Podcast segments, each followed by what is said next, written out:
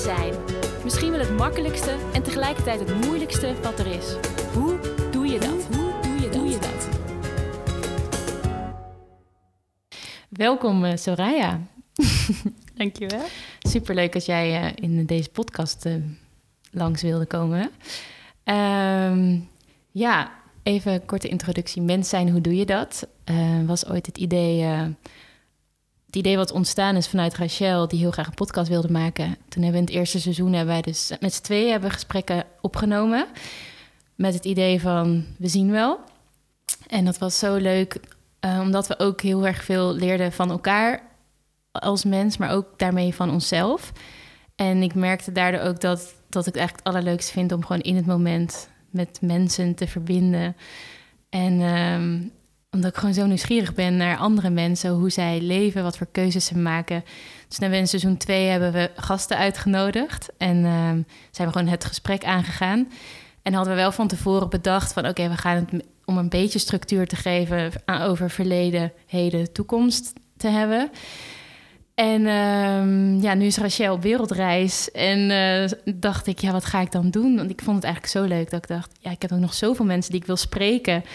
En het is, ik geniet er gewoon zo van elke keer om, om dit te doen. En om echt met, met een mens zo'n gesprek aan te gaan. En echt die ruimte te maken om echt, echt te verbinden. En oprecht te luisteren naar, naar wat iemand wil zeggen.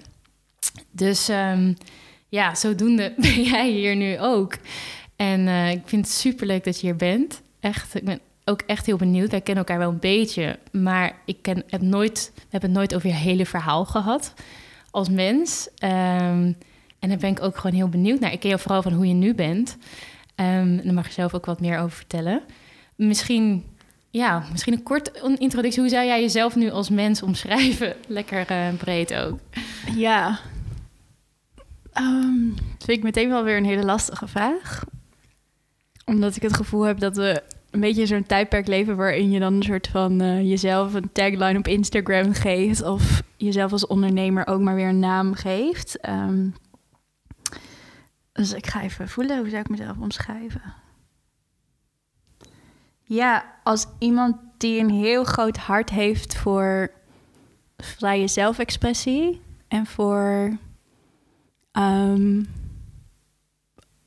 een soort van vreugde rondbrengen in de wereld. En vreugde vanuit mezelf ja, uitstralen naar de wereld en daarmee spelen. En um, ja, gewoon ook als een avonturier en als een, een digital nomad. Ook weer een beetje zo'n naam, maar gewoon als iemand die echt op avontuur wil en de hele tijd nieuwe dingen wil ontdekken. Mm. En um, ja, en dat dan weer wil andere mensen daarmee wil aansteken. Ja. ja. Dat inspireren. Ja. Mooi. Ja. En was jij als kind ook al zo als mens? Ben je altijd zo geweest? Ja, ik denk het wel. Ik denk dat, dat mijn moeder zei, jij stond echt altijd te dansen in de box en te zingen en zo. En ik denk dat dat een soort van ook nog steeds is wat ik nu doe. Dat ik gewoon heel erg nieuwsgierig ben en me ja, het leuk vind om nieuwe mensen te leren kennen en op avontuur te gaan. Ja. ja. ja. Dus, je, dus als, als klein kind was je aan het zingen en springen en dansen in, in de box. Ja. En, en, en, misschien ook mensen blij maken daarmee. Ja. En wat voor gezin ben jij opgegroeid?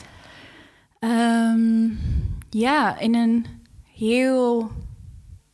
Ik, ja, hoe, een soort van hoe ga ik dit goed omschrijven? Het is een heel warm gezin, maar ook wel een best wel dysfunctioneel gezin, zoals je dat hmm. zou kunnen zeggen. Zeg maar. Dus, dus ik wil daar dan niet niemand eigenlijk tekort mee doen, maar wel Um, heel groot gezin. Dus mm. allebei mijn ouders hadden allebei al twee kinderen van hun eerste huwelijk. En toen kwamen ze bij elkaar en toen kregen ze mij en mijn twee jongere broertjes. Oké. Ja, en later zijn ze uit elkaar gegaan en toen kreeg ik ook nog stiefbroertjes en zusjes erbij. Wow, wacht even, dus je, hebt, je vader had al twee kinderen, je moeder had al twee kinderen. Daarna ben jij gekomen van hun samen. Ja. En daarna nog twee broertjes. Ja, precies. Ja. En toen daarna kwamen er nog stiefbroertjes, stiefzusjes bij. Ja, ja. En hoe was dan, uh, op het moment dat jij geboren werd, waren zij, had je dan ook als uh, hun kinderen, zeg maar, stiefbroers, stiefzussen? Of was jij het... Mm, nee, dus ik, ik werd geboren en mijn vader is tien jaar ouder dan mijn moeder. Dus mijn oudste broer en zus zijn kinderen van zijn eerste huwelijk. Mm. Die zijn volgens mij... Uh, zeg maar 20 tot 25 jaar ouder dan ik. Oh, oké, dus die Ja. waren al uit huis. Die waren al praktisch uit huis of bijna Ja. uit huis. En mijn twee oudere broers, dus de kinderen van mijn moeders eerste huwelijk, die waren 8 en 10 jaar ouder. Oké. Dus zij voelen veel meer als mijn echte broers. En Ja. mijn oudste broer en zus voelen iets meer als een oom en tante of zo. Want Ja. hun kinderen zijn ongeveer even oud als ik ben. Dus het is een soort van... Ah. Mijn neefjes en nichtjes waren veel meer van mijn leeftijd.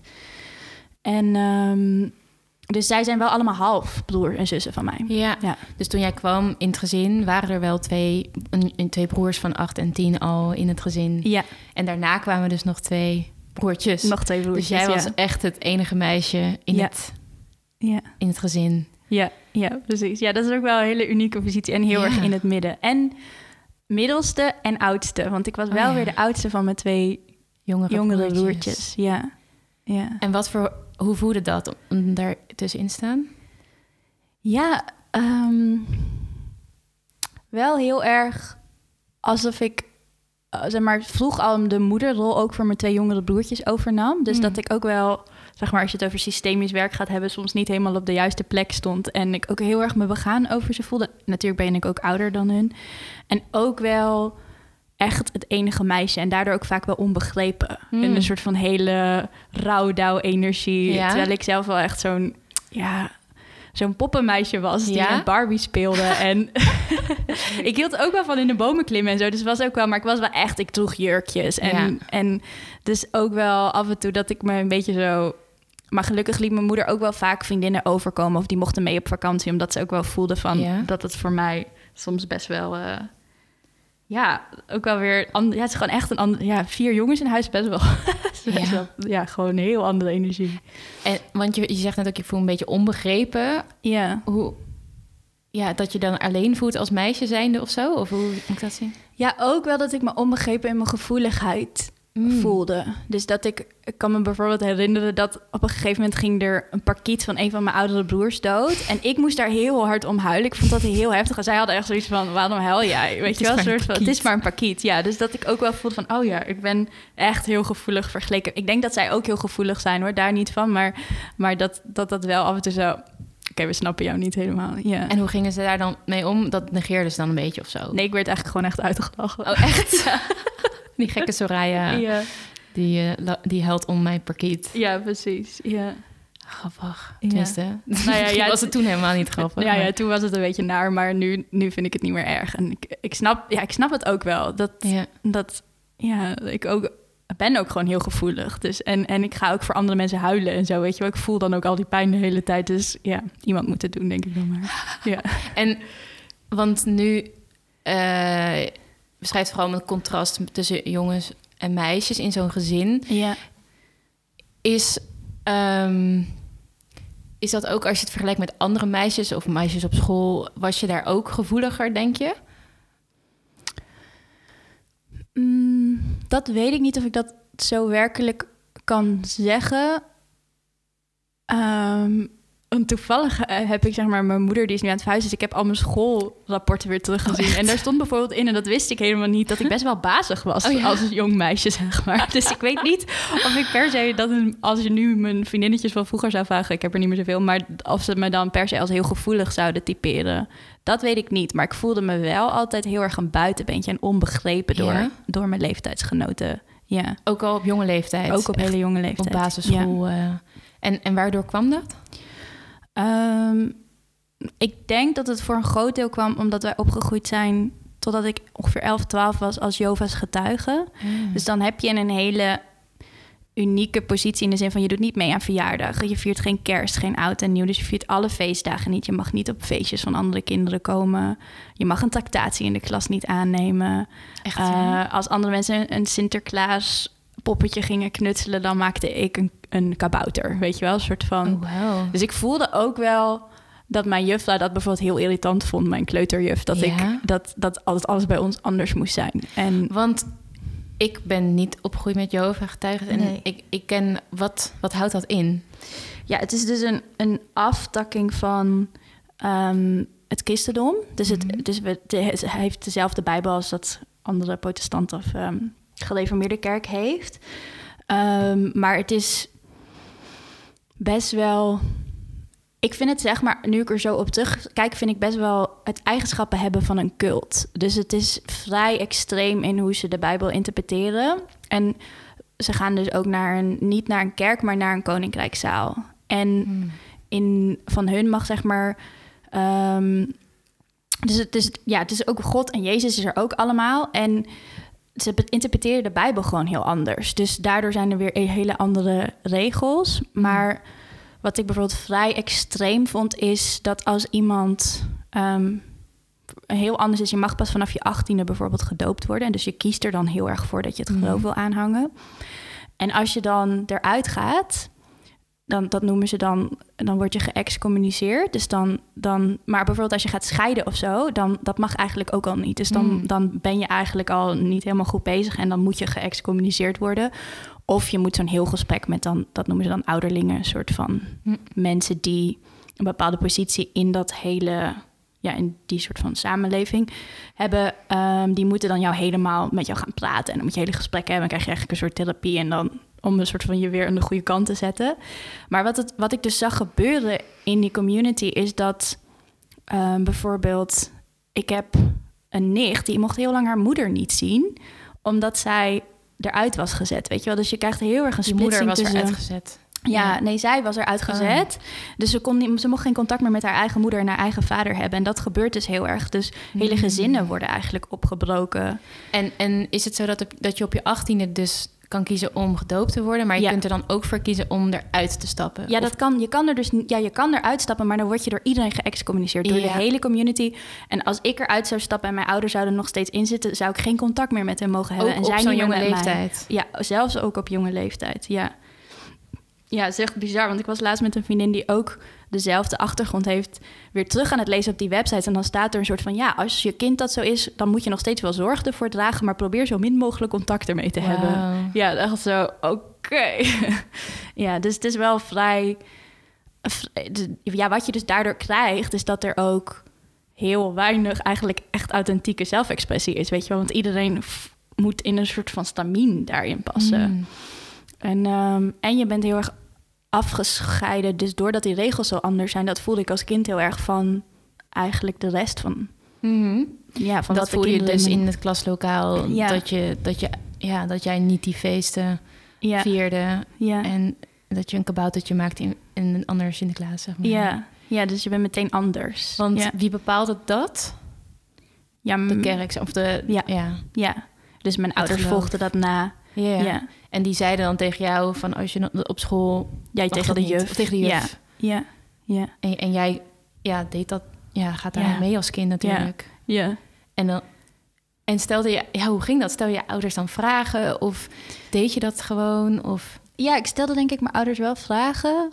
En ik was ook bijvoorbeeld, als je het bijvoorbeeld over Sinterklaas hebt, was ik in de over, overtuiging dat mijn ouders naar het gemeentehuis gingen en gingen zeggen dat ze niet wilden dat Sinterklaas bij ons langskwam. Dus ik geloofde Geloof- eigenlijk nog steeds wel in Sinterklaas. Ja, maar ik dacht gewoon, oh ja, oké, dan ja, omdat wij dat dan geloven, dan slaat hij ons over. en had je dat zelf verzonnen? Of, Nee, ja, ja, Dat- nee, ja, dat, was gewoon wat ik... Omdat ik, je, je zit in zo'n wereld waarin iedereen het gelooft. Ja. Dus het is eigenlijk heel gek. ja, Ja. en al je, al je klasgenootjes en zo gaan daar helemaal in mee? Ja, ja.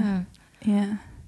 Ja. Dat is echt heel grappig. Dus, ja, en ik moet wel zeggen dat op een gegeven moment werd mijn moeder wel losser met de regels. Dus mijn ouders, ik ging op een gegeven moment heel veel werken. Dus we gingen minder, minder naar die soort van... Je gaat dan drie Mhm. dagen per week zelfs naar zo'n gebouw. En dan ga je naar vergaderingen. hele heet dat dan, gezin. met het hele gezin, ja.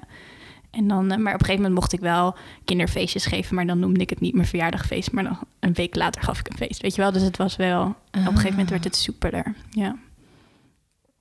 Heel, ik vind het heel bijzonder. En, en, want was jouw moeder, ehm, is die opgegroeid als Jehovah-getuige? Nee. Die is er Nee. later bijgekomen. Ja. Ja. Ja. En mijn vader is denk ik volgens mij, als ik het me goed herinner, langer al...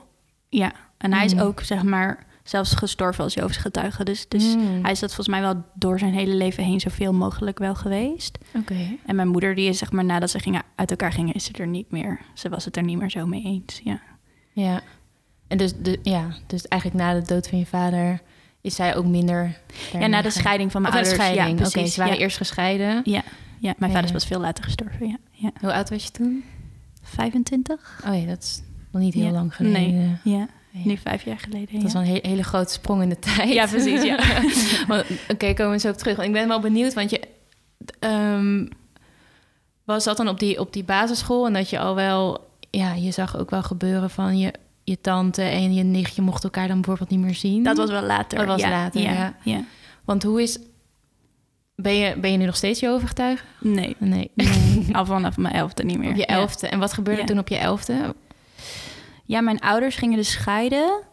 En, en het was al wat losser. Dus mijn ouders hadden op een gegeven moment een heel groot bedrijf. Dus ze hadden niet meer zo, volgens mij niet meer zo heel veel tijd om, om Mhm. daar naartoe te gaan. Ehm, dus, dus ik was al iets losser van die hele community geraakt eigenlijk. Ehm, en mijn ouders gingen uit elkaar. En, en toen kwam eigenlijk al vrij snel mijn stiefvader. Dus mijn moeder had al vrij snel een nieuwe partner... waar dus Mhm. ook die stiefbroertjes en zusjes. Dus hij had ook kinderen. En toen gingen we verjaardagen vieren en kerst en oud en Mhm. nieuw. En dat was allemaal super leuk. Ja, dus toen, ja, ik weet, heb ik het ook wel losgelaten. Ja. En dat wat was meer, mm, het waren meer de omstandigheden. Dus door het scheiden, dan dat je zelf daar echt een rol in nam. Het was inderdaad niet per se een bewuste keuze van mij dat Nee. ik nu wil ik dat geloof niet meer. Ja. Ja, ja, En je merkt wel het verschil dat je in één keer ah, ja, feestjes mocht vieren. En, eh, ja. ja. en hoe was dat voor jou als kind? Ja, dat vond ik echt heel leuk. Echt Ja. een nieuwe wereld open ging. Ja. Ja. ja, dat was gewoon heel fijn. Dat voelde heel erg zoals ik eigenlijk dat altijd Mm. eigenlijk voelde van dit klopt meer voor mij. Ja, Ja? ja. ja. En waarom? Omdat je klasgenoten dat ook deden? Of? Ja, niet alleen. Ik denk dat ik een soort van, zoals ik het mijzelf herinner, heb ik altijd best wel vanaf als een heel jong meisje een beetje sceptisch gekeken naar wat ze daar in die Jehovah's getuigen community deden of zo. Ik vond Hmm. het heel leuk omdat het een hele warme community is. Dus dat vond ik eigenlijk, dat is het enige wat ik er nog van mis. Maar zo van al die regels of zo. Ik heb dat altijd gewoon niet zo heel erg veel met regels gehad in mijn leven. Dus ik, ik had daar niet zoveel mee of zo. Ja. Ik, ik voelde niet dat dat waarheid voor mij was. Ja, Zelfs zo want het was wel een soort, soort community gevoel, omdat je elkaar drie keer in de week ziet. En hoe groot is zo'n groep? Dat weet ik niet. Dat, ik denk meer dan... Want dit is, zeg maar, ik was echt elf, weet je wel. Dus een soort van, ik denk dat er misschien wel meer dan honderd mensen in zo'n zaal dan kwamen. En dan had je ook wel dat je met kleinere groepjes samenkwam. Maar het was meer dat mijn hele, de hele familie van mijn vaders kant, waarmee ik ook opgegroeid ben, eh, ook allemaal Jehovah's getuigen waren. Dus het was Mm. meer ook gewoon heel warm met familie. En dan Ja. kwam je bij elkaar. Over, ja, En dat drie keer in de week. Ik bedoel, Ja. dat, dat is vrij bijzonder ook in deze tijd, denk ja, ik. Om Zo, precies. Ja. ja. Dus je hebt ook eigenlijk wel een heel warm gevoel bij, over, ja, aan die tijd. ja, zeker. Ja. Als ik aan Jehovah getuig denk, dan denken mensen die de voet tussen de deur stoppen. Ja. en, eh, en, en mensen willen bekeren of zo. Kreeg je daar ook wat van mee?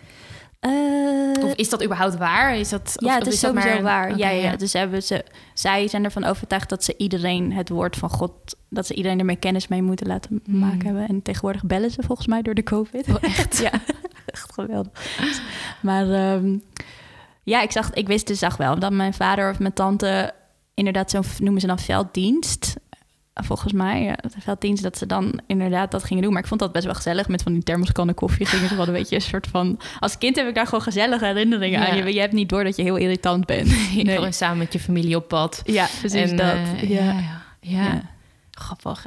Ja. Ja, ik vind het wel heel bijzonder ook om te horen. Want ja, ik, ik ken verder niemand die zo is opgegroeid eh, ja. als Jehovah getuige. En ik merk van ja, wat ik net zei, is dat het beeld is van voet tussen de deur en jezelf opdringen. En ja. dan creëer je ook gelijk een beeld van bij dat woord, weet je, van Jehovah getuige is gewoon iets negatiefs of iets slechts. Terwijl ja. nou, er misschien ook wel weer ergens iets moois aan zit. In ieder geval als kind nog wel een warm bad kan zijn, waar Ja. je ook gewoon dat community gevoel heel erg hebt. Ja. Ja.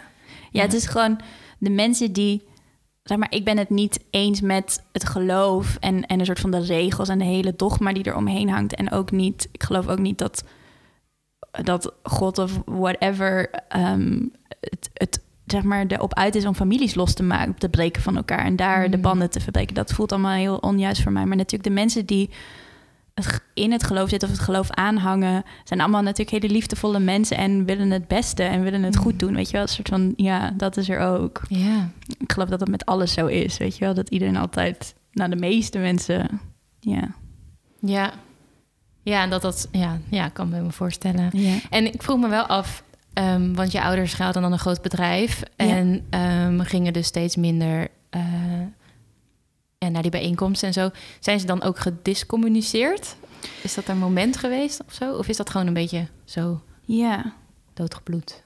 Ja, ik denk dat het voor mijn moeder doodgebloed is. En ik denk dat mijn vader... Maar dat weet ik niet zo goed, want mijn vader na de scheiding... heb ik gewoon best wel een, best wel een breuk met mijn vader gehad. Dus ik, ik ken zijn verhaal daarin niet zo goed. Hmm. Maar ik denk wel dat, dat hij af en toe weer eruit is gegaan... en er weer, er weer in. Dus dan Hmm. word je geëxcommuniceerd... en dan moet je weer door zo'n proces... om er volgens mij weer ja, berouw te Oké. tonen. En dan mag je er weer in, zeg maar zo. Ja, En na de scheiding heb je een breuk met je vader gehad? ja best wel... Ja, best wel, eigenlijk heb ik hem vanaf mijn twaalfde nooit meer zo heel veel gezien in mijn leven. Ja. En was dat van jou een bewuste keuze? Ja, toen wel. En ook wel, mm, zeg maar, mm, er was gewoon, mijn vader was best wel, eh, altijd best wel met, mijn vader was eigenlijk gewoon alcoholist en, en best wel abusive. Hmm. Nooit naar mij, moet ik heel eerlijk zeggen, maar wel in het gezin. En, en ik voelde, ehm, ja, ik voelde zeg maar op toen, op dat moment voelde ik heel erg van, ik moet tussen een van mijn ouders kiezen. Hmm. En mijn ouders waren ook echt, ze spraken best wel heftig over elkaar. Het was echt wel gewoon zo'n vechtscheiding. En, Hmm. en dus ik voelde ook heel erg, en ik voelde dat, dat mijn vader minder de waarheid sprak. Ja, het is heel, ik groeide echt op en een, mijn moeder zei iets en mijn vader zei dan precies hetzelfde, maar dan was zij wel altijd dan in dat verhaal de, de held. Dus ik was altijd zo, wie moet ik hier nu geloven, weet je? Want de ander was altijd een soort van de slechterik. Eh, dus het was heel, heel verwarrend. En ik voelde gewoon, voor mij is het veel fijner om gewoon een clean cut te maken en gewoon een soort van niet de hele tijd over te moeten gaan. Wat mijn broertjes overigens niet gedaan hebben, wat, wat ik ook heel fijn voor ze vind. Uh, maar ik, voel, ik zag ook het verdriet weer van mijn twee oudere broers. Die hebben best wel ook heftige dingen met mijn vader meegemaakt. Ja, dus dat, dat ik zo voelde van dit voelt beter. En later denk ik wel, dat was niet per se de keuze die ik nu zou maken als Mm. volwassen vrouw. Maar ja. Want hoe, hoe voelde dat voor jou als, als klein meisje dat je zo'n keuze moet maken? Dat het Ja. zo voelt. heftig eigenlijk wel. Ja. Ja. Maar ik voelde met mijn vader altijd dat ik hem niet helemaal kon vertrouwen. En dat hij niet helemaal er voor ons was. En een soort van, hij voelde onveilig voor mij. Dus het voelde toen ook wel weer als een goede keuze. Hmm. Ja. Maar ik heb ook wel altijd mijn vader gemist. Daar, Ja? Ik ben ook wel altijd door dat verdriet heen gegaan. Ja. Ja. Ja. En waaruit blijkt dat? ja. Hoe uitte zich dat? Ja, dat ik gewoon als ik zag dat andere vriendinnen echt een vader hadden, dat ik dat wel echt miste en pijnlijk vond. Hmm. Ja. Dat je toch had het ook te maken dat je een soort beeld hebt van hoe een gezin hoort te zijn? Ja, ook dat. Ja. Ja. En dat je dan bij andere kinderen zag dat die dan gelukkig samen waren of zo. en Ja, dat precies, ik- ja. ik niet. Ja. En hoe ben je daar toen mee omgegaan? Weet ik niet meer eigenlijk. Goeie vraag. Ge- veel gehuild. Veel geschreven, denk ik. Ik kon daar ook wel met mijn moeder over praten. Ook weer niet helemaal. Het voelde ook wel alsof ik dan mijn moeder en mijn oudere broers verraden of zo. Ik voelde altijd Ja. me heel erg soort van trouw aan hun en aan het verdriet dat ik voelde dat zij hadden van mijn vader. Wa- waarom voelde dat als verraden? Ja, om een soort van. Ik, heb, ik, ik heb, ben een beetje soort van opgegroeid dat ik niet van mijn vader mocht houden. Snap je dat dat Mm. verraad was naar hun? Omdat zij zo. Omdat ik zag wat, ja, wat, wat dat gedaan had met hun. En dat ik, ja, dat ik voelde ik ook. Ja, En toch miste je hem en dat kon je eigenlijk niet Ja. rijmen met elkaar. ja precies. Dat was dus heel schaamde je verwarrend. misschien ook een beetje voor. Ja, Ja, zeker. verwarrend. Ja. Want dat is ook een beetje het begin van je puberteit, denk ik. Zo Ja. 11, 12. eh. Ja, dus ik ben ook wel veel boos op hem geweest. En ik heb me ook wel veel soort van afgezet naar hem of zo. En, ja. En hoe deed je dat? Op je kussen slaan? Of nou ja, gewoon eigenlijk als hij belde of zo, dat ik dan gewoon boos op hem was. ja, gewoon ja. snitchen. Ja, precies.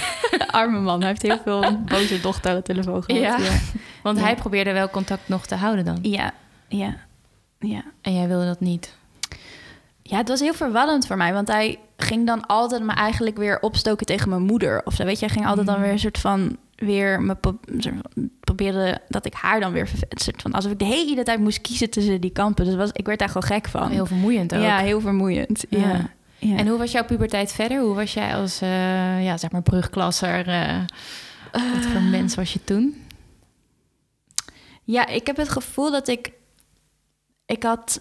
Ik voelde me altijd heel onbegrepen op de, op de basisschool. Ik vond de basisschool niet zo heel erg leuk. Ehm, totdat ik zo naar groep 7, 8 ging. Toen bloeide ik echt heel erg op. En ik heb altijd in hele kleine klassen gezeten. Toen zat ik in één keer in een klas met iets van 30 kinderen. Daarvoor zat ik altijd in klassen met 10 kinderen of zo. Best wel. eh, dus, en ik voelde in één keer van, oh, alsof dat veel meer klopt. En ik vond de leraren aardig. En, en, en toen ging ik naar de middelbare school. En toen klapte ik weer heel erg dicht voor mijn gevoel. Dus Hmm. toen werd ik me gewoon heel bewust van. En dat is natuurlijk ook samengegaan met dat ik geen vader meer had. Hè? Dus dat dat een soort van. Ja, nu doe ik heel veel systemisch werk. Dus ik kan nu zien van hoe dat voor mij voelde dat ik die support niet meer had. En dat dat in één keer.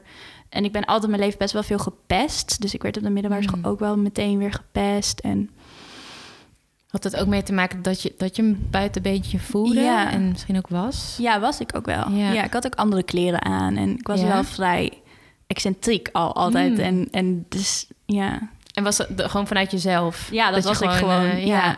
ja. En, Ja. en dat werd door de groep Ja. eh, eigenlijk een beetje bestraft met pesten. Ja, ja. Mm. ja, en misschien was ik ook wel gewoon bazig. Ik bedoel, misschien was ik ook wel Ja. af en toe een irritant kind, weet ik niet. Ja, zo voelde het voor mij niet, maar ik kan me dat wel voorstellen. Nu dat Voor- leest in je ja. rapport ook. Ja, ja precies. Ja. Ja. dat kan me ook wel. Dat ik gewoon vrijwel uitgesproken was en wist wat ik wou. En, Ja. ja. en dat dat denk ik niet altijd in dank werd En afgenomen. wat voor dingen waren dat dan? Dat je, waarvan je wist dat je, wat je wilde? Ja. Dat is wel een goeie. Misschien kleine dingen of zo. Dat je Ja. als je weet ik veel, een rekenopdracht krijgt... dat je zegt, ik, ik doe het met jou of met, met die of die. Of dat het op jouw manier moest of zo. Ja, ik weet niet per se of het op mijn manier moest. Maar ik, ik weet... Ja, ik denk dat ik gewoon vrij...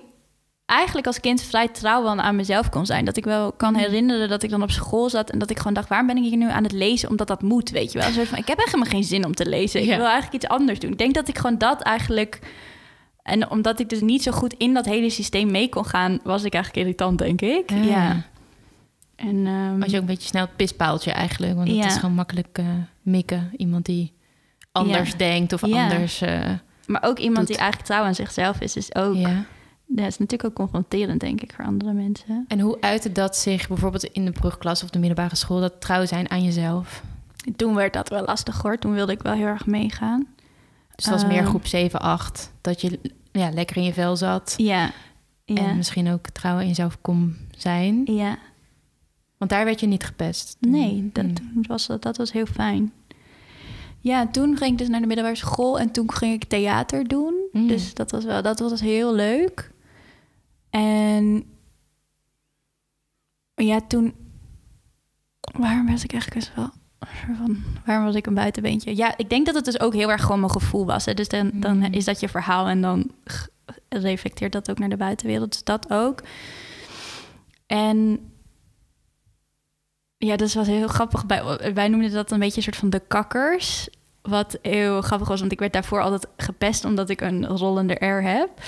Op de, op de basisschool van dat ik een kakker was. En toen kwamen dus allemaal van die hockeymeisjes en zo. Volgens mij ben jij, jij bent volgens mij zo'n hockeymeisje of Nou, niet? ik word altijd hockeymeisje genoemd. Ja. Maar ik ben op een gegeven moment als student maar gaan hockeyen. Omdat ik dacht, ja, ja als ik, misschien ben ik wel een hockeymeisje. Oh ja, jij bent ook gewoon in het hokje gezet. En toen dacht Ja, ik, maar ik was ook wel benieuwd hoe dat was. Dus eh, Ja. ja, En hoe was het om een hockeymeisje te zijn? ja, superleuk. Ja, ja dat voelde ik me wel... eh was wel gezellig. Ja. Ja.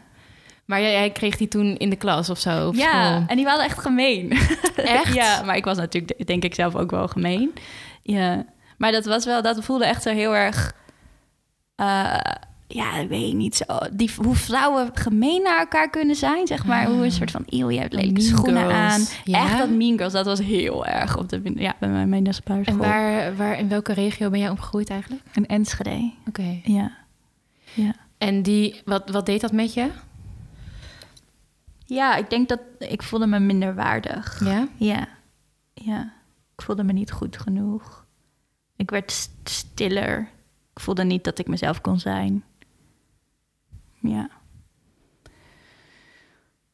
Ja, en, ik, en daarbij kwam dat ik ook gewoon school echt kloten vond. Gewoon. Mm, omdat je dingen moest doen die je helemaal niet wilde. Ja, en ik, ik snapte gewoon niet. Ik dacht dat het al deze leraren zijn depressief. Wa- waarom krijg ik les van hun? Wat heb ik? Wat hebben ze met? Ze zijn hier niet echt blij. Ze doen hier niet. Weet je, een soort van. Ik snapte dat niet. Ja. En, eh, en dan moet je inderdaad in zo'n systeem en dan sommige dingen vond ik niet leuk om te doen of was ik gewoon niet goed in. Dat ik dacht, wat doe ik hier eigenlijk? Ja. Ja, ja. Maar je hebt het wel overleefd? Of ja, ik heb het wel overleefd. Nee, nee, nee. Ik heb het zes jaar, zes VWO eh, allemaal afgemaakt. Ja. Ges- ge- doorheen gesleurd. ja, ik heb mezelf er doorheen gesleurd. Ja. En dat, bleef dat pesten ook? Of was dat... Nee, dat werd later wel minder. Ja. was vooral in, in het begin... eh, ja. En bleef je... Want dat theater, was dat, was dat op school of was dat buiten school? ja, nee, dat was op school. Ja, Zo'n theaterklas eh, ja, idee. ja. Dat heb ik zes jaar toen gedaan, ja. En wat heeft dat met je gedaan?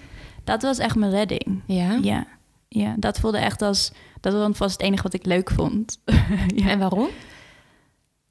Ja, omdat je dan vrij bent. Je mag dan bewegen en spelen en zingen. En ja, daar ben ik gewoon van gemaakt voor mijn gevoel. Weet je wel, ik vond Ja. dat zo leuk om te doen. Ja, dus handvaardigheid, zeg maar. En dat was het enige wat ik leuk vond aan school. Ja, Gewoon creatief bezig zijn Ja. ook. En, Ja. en was daar ruim, ja, er was dus in die zin ruimte voor dat er een speciale klas voor in was gericht. ja, Had je daar ook om die reden die school gekozen? Ja. Oké. ja, Je wilde er echt daar, daarom daar naartoe. ja, ja. Ik wilde dat echt heel graag doen, ja. En ehm, na, want na je VWO, wat heb je toen gedaan? Ehm, toen heb ik het tussenjaar genomen. En Ja. waarom?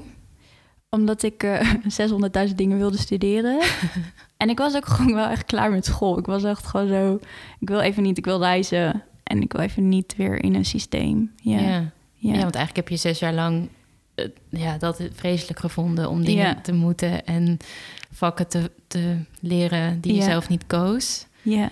En hield je dat ook tegen om te gaan studeren? Dat je dan, of voelde dat ook juist wel weer als een. Ja, ik vond het ook heel leuk om te leren. Dus ik had ook wel een soort van... ehm, ik vond gewoon... De middelbare school voelde gewoon en niet veilig... en niet als een plek waar ik mezelf kon zijn... en een soort van de structuur voelde niet fijn. Maar ik had wel heel erg zin om, om door te studeren. Maar ik wist ook niet zo goed wat ik precies wou. Ja. ja. En heeft dat jaar geholpen om dat daarachter te komen? Ehm, jawel, ja. Om ben je Ja. ook gaan reizen? Ja. Waar ben je heen geweest? Ik begin ook helemaal te stralen. Ja, Oh, echt heel heerlijk. leuk. Ja. ja, ik heb gewoon heel veel toen zo gewerkt van die studentenbaantjes gehad. En toen zijn we, toen ben ik met samen met een goede vriendin, zijn we gaan interrailen door Europa. Mm, Ja, dat was echt heel leuk. vet. Ja. En wat heeft, heeft dat met je gedaan als mens? Ehm, wat heeft dat gedaan? Goeie vraag. Ja, het, ik vond de vrijheid van gewoon kunnen werken en kunnen reizen heel fijn. Dus dat voelde gewoon heel chill en zelf kunnen bepalen wat ik dan nog wilde gaan leren. En het reizen, ja, was gewoon heel leuk. Het was gewoon heel leuk om nieuwe mensen van allerlei plekken en om te... Ja, het was soms ook echt vreselijk vermoeiend. Dat weet ik ook nog wel. Dat we echt zo gewoon op een gegeven moment dachten... ze we eerder naar huis gaan? Ik ben moe, ik ook, oké. ja, en ook wel... Ik kan me ook, zeg maar... Doordat mijn thuissituatie soms ook heel onveilig was... en ik heb ik me ook altijd best wel onveilig in de wereld gevoeld... Op, opgroeiend. En, en soort van die stap naar buiten maken en dan helemaal alleen met een Mm. vriendin die even oud is reizen, voelde ook wel van, oh ja, de wereld is toch wel iets veiliger dan dat ik dacht. Dat was Ja? ook wel. Dat ja. heb je al zo ervaren. Ja, Want hoe uitte zich dat dat je je onveilig voelde? Op straat of... of, of ja. ja.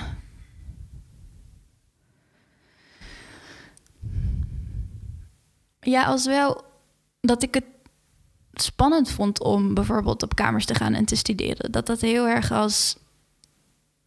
Aan de ene kant wilde ik dat heel graag. Aan de andere kant voelde ik me daar ook nog niet klaar voor of zo. Weet je wel, voelde ik me ook nog een beetje een soort van... Ik heb nog een soort... Ik wil me nog beschermen. Ik vind de buitenwereld gewoon nog eng. En al die stappen maken en zo. Ja. En, en het reizen voelde misschien een beetje als een tussenstap of zo. Ja. Dat je dan weet je on- on- onder, onder your conditions... Ja, op jouw geval, voorwaarden, ja. dan stapje voor stapje die, die nieuwe wereld mag ontdekken of zo. Ja, En kijken hoe onveilig die echt, of hoe veilig die misschien wel is. ja precies. En ja. daarna? Ja, dat was een heel interessant jaar. Daarna ging ik psychologie studeren. Hmm. Maar tegelijkertijd, ehm, toen was ik zo 19, 20. Tegelijkertijd ehm, ging het bedrijf van mijn moeder en mijn stiefvader, want zij hadden inmiddels samen een bedrijf, ehm, failliet.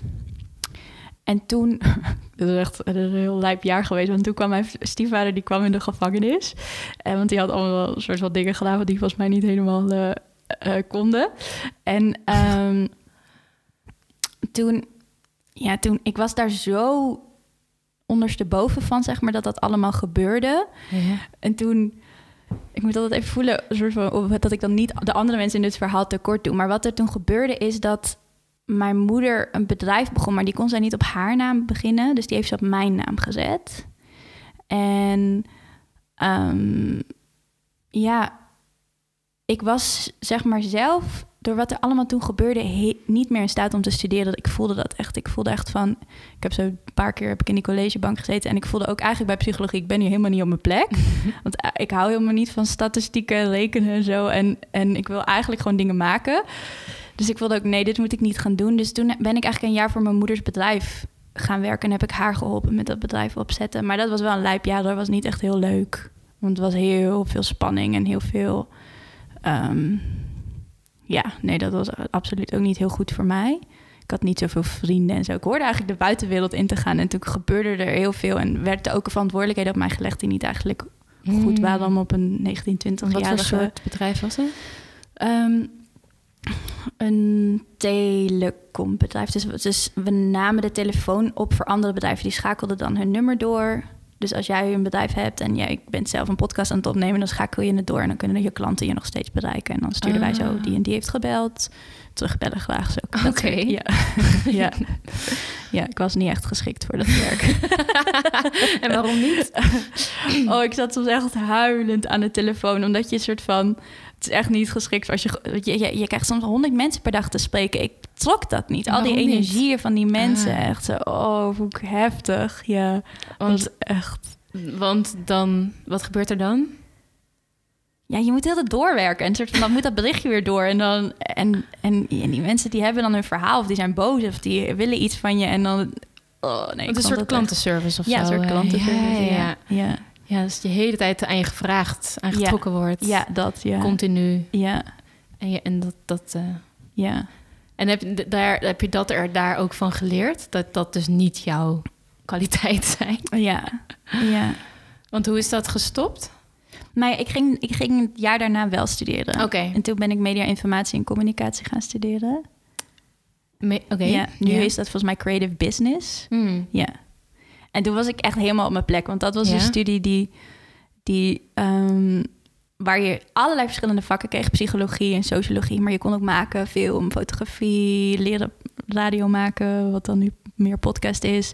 Dus ik vond dat geweldig. Want je kon al die verschillende dingen doen en je kon maken. En ik kon praktisch dingen doen. Doen, ja. ja. Dus ook creëren en maken. En er ook ja, niet alleen maar over studeren en de boeken in. Ja. En de theorie erachter, maar gewoon het praktisch toepassen ervan. Ja. En wat voor dingen heb, kan je nog herinneren die je, waar je echt vet blij van werd? Uh, ja, ik vond het heel leuk om eigenlijk voor de camera te staan. Dat weet ik nog wel. En ik vond fotograferen heel leuk, film maken heel leuk verhalen schrijven heel leuk, websites maken heel leuk. Ja, ik vond dat ik super veel. En, maar ik doe het allemaal nu ook, weet je wel, een soort van ja. Ja, want toen was je ja afgestudeerd. Ja. En wat ben je toe gaan doen? Ja, het is dus niet zo dat ik meteen afstudeer. Ik ben pas op mijn 27ste afgestudeerd. Het is een lang proces. Dit is al een lang proces, ja. Maar ook omdat je zoveel dingen leuk vond misschien. Want als ik jou zo hoor, dan denk ik, dit vond ik leuk, dat vond ik leuk. Ja, dan, ook. Uh... Maar ook omdat ik gewoon ik ging op een gegeven moment naar Bali om af te studeren. En toen ben ik daar gewoon te lang blijven hangen. Nee, niet te lang was leuk, maar eh, toen ben ik niet gaan afstuderen. Toen ben ik gewoon ja, mijn eigen bedrijf gaan opzetten en allerlei andere dingen gedaan. Ja. En toen moest dat afstuderen nog een beetje zo tussendoor. En heb je altijd al geweten dat je dat wilde gaan doen? Zeg maar, dus dat je, dat je bedrijf voor jezelf wilde gaan beginnen? Weet ik niet. Dat niet. Nee, wel dat ik het heel leuk vond om voor mezelf om zelf zeg maar mijn eigen baas te zijn. Dus ik voelde wel dat het, dat, dat dat wel iets was wat ik heel leuk vond. Maar ja, ik wilde ook actrice worden. Ja, ik wilde zoveel dingen doen. Ja, ja. En, en als je, want als je als kind aan jou vroeg, uh, of als jou vroeg als kind, wat wil je laten worden? Zij, was je daar ook al mee bezig? Dan wilde ik zangeres, actrice, schooljuffrouw worden. En wat ik een beetje allemaal nu ook ben. En eh, later wilde ik art director voor videoclips worden. Dat leek me ook echt heel tof. wat ik ook een beetje doe. Dus een soort En van- waarom dat? Ja, ja weet ik niet. Ik vond, ik vond dat gewoon heel... Ik vind het heel vet om dan... eh, voor muziek dan een soort van van die super artistieke clips te maken. Dat leek me echt heel tof. Hmm. Ja. En wat voor bedrijf ben je op Bali begonnen? Ja, nou ja, ik, ik was toen eigenlijk al een filmbedrijf begonnen. Dus ik maakte film. En, ehm, en toen, ja, ik weet niet, ik, eh, Bali is gewoon heel magisch. Ik zat dan ergens te eten en dan zei iemand, oh, ik ben yogadocent. En ik zei, oh, hoi, ik ben filmmaker. Oh, ik heb nog een filmpje nodig, kom je langs? Ik Oh, zei, ja? oké, ja. Dus ik kreeg de hele tijd een soort van klussen daar de hele tijd. En dan wilde iemand weer foto's en dan zei ik, oh ja, nou ja, tuurlijk ga ik dat Dus doen. je begon eigenlijk met film maken, met, Ja. met bewegende beelden. Ja, ja, En toen eh, werd de vraag, werd foto's. En toen zei Ja. oh, dat, prima, dat kan ik ook. ja, Toen ben je dat zo gaan doen. ja, ja. En toen wilde ik, ja, ik was op Bali omdat ik documentairemaker wilde worden. Oh. Ja, ja. En wilde je daar ook een documentaire over maken dan? Ja, ik was daar bezig met een documentaire maken. Ja. waarover? Over een gevangenis die aan permacultuur deed. Dus in die gevangenis hadden al die gevangenen hadden project, het project om, om ja, eigenlijk met.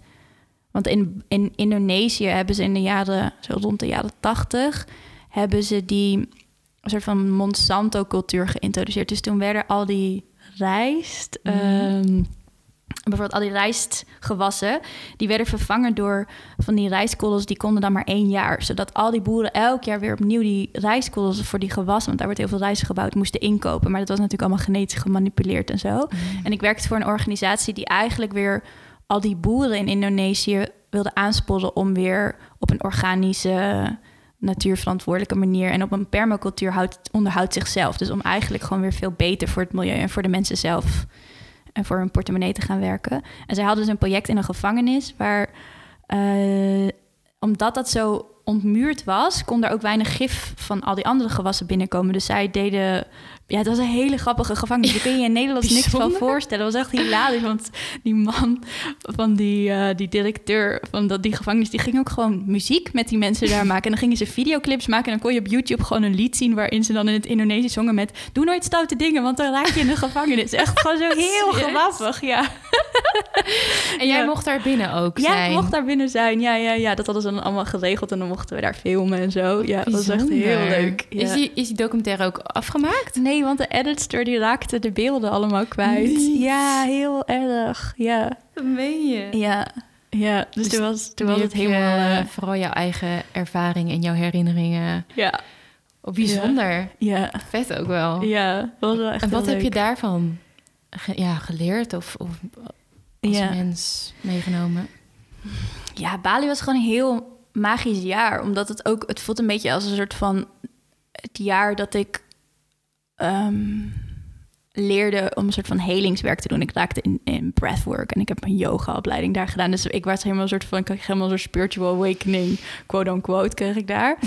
en... eh, en, en die Indonesische cultuur is heel interessant. Om zeg maar, ga maar eens een documentaire maken met mensen die je dan en niet kan verstaan. En die vertaler dat je dan zo voelt van, jij bent niet helemaal aan het vertalen wat je nu zegt. Oh, en, ja, ja, ja, want is- daar is die cultuur heel erg soort van, als je daar de weg vraagt, dan zeggen ze, ja, het is die kant op. Oh, ja. Maar ze weten dan helemaal niet of het die kant op is, weet je wel? Een Ja. soort van, ze zullen altijd ja en, en amen en people pleasen. Dus dat is ook gewoon super interessant om daar in, in te bewegen.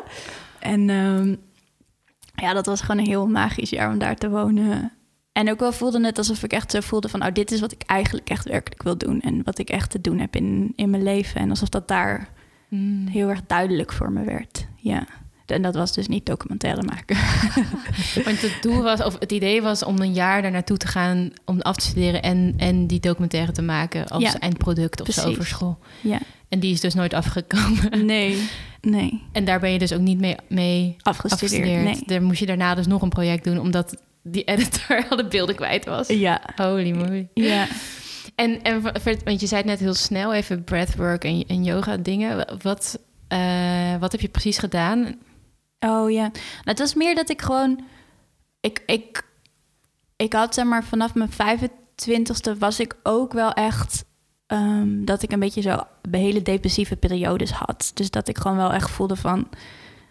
oké, alles wat ik daarvoor een soort van op wilskracht kon doen, lukte me niet meer zo goed. Dus ik voelde ook wel van, ik heb echt hulp bij dingen nodig. En toen heel veel familieopstellingen daar gedaan en breathwork. En er zijn daar healers en dan ging ik naar een healer toe. En dus op Bali op bedoel je? Bali, ja. Want was ja. dat ook de reden dat je eh, nee, dat Bali je trok of zo? Of dat je.